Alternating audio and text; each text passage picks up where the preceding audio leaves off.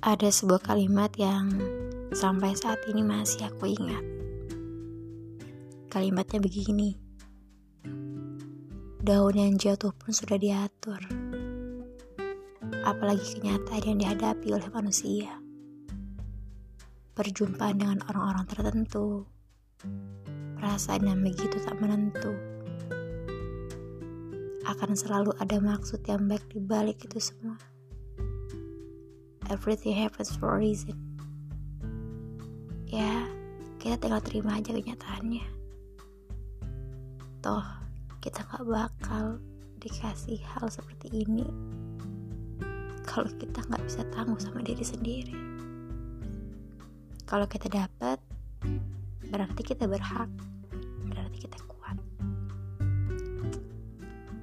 Huh